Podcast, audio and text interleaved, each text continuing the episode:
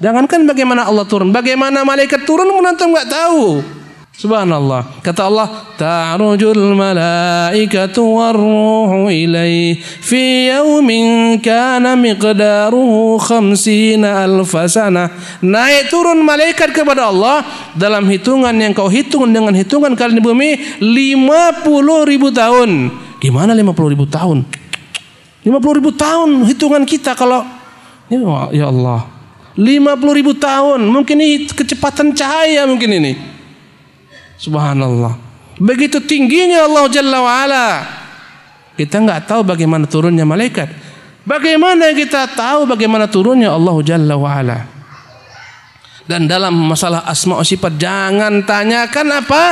Bagaimana imani yang jelas apa pun sifat Allah tak sama dengan sifat makhluk. Turunnya Allah tidak sama dengan turunnya makhluk.